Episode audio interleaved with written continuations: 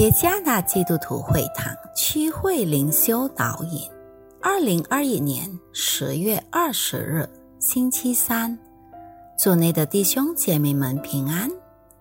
今天的灵修导引，我们将会借着圣经以弗所书第二章第六节来思想今天的主题：敬拜的力量。作者房仁康传道。以弗所书第二章第六节，他又叫我们与基督耶稣一同复活，一同坐在天上。在诗篇六十三篇中，讲述了大卫在犹大旷野逃亡的故事。他努力从想要杀死他的扫罗王的追捕中拯救自己，在那里。他不仅经历了压力和恐惧，但也经历了饥渴，不仅是身体上的饥渴，但也是属灵上的饥渴。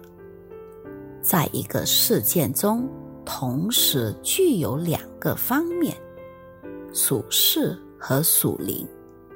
但在这一切的背后，施者仍然在心里。敬拜上帝，有从上帝而来的力量，使他能够不断的赞美上帝。使徒保罗向以弗所信徒展示他们在过去的生活，就是在身体和属灵上所经历的压力和恐惧。他描述了他们所经历的软弱情况。无论是在认识基督之前，还是在认识基督之后的最低层经历，这些事能够发生，都是因为上帝正在透过考验和加强他们来准备这个教会。上帝透过基督的十字架的工作来赐予胜利，在面对各种的困难。这个教会当然需要力量来面对，而那个力量有在上帝透过基督耶稣的恩典中。关于这事，保罗说：“他又叫我们与基督耶稣一同复活，一同坐在天上。”参看第六节，基督使这个教会从死里复活，并与他一同得胜。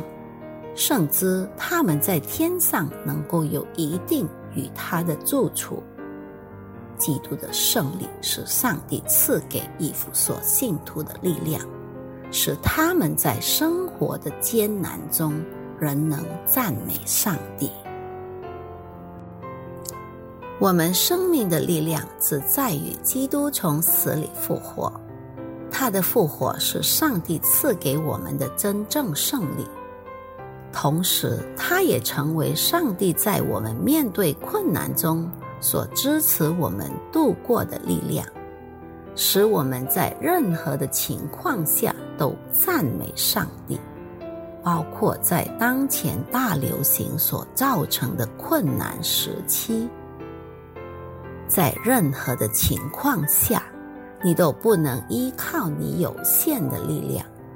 你绝对需要上帝的力量，就是那让你能够常常赞美他的力量。愿上帝赐福于大家。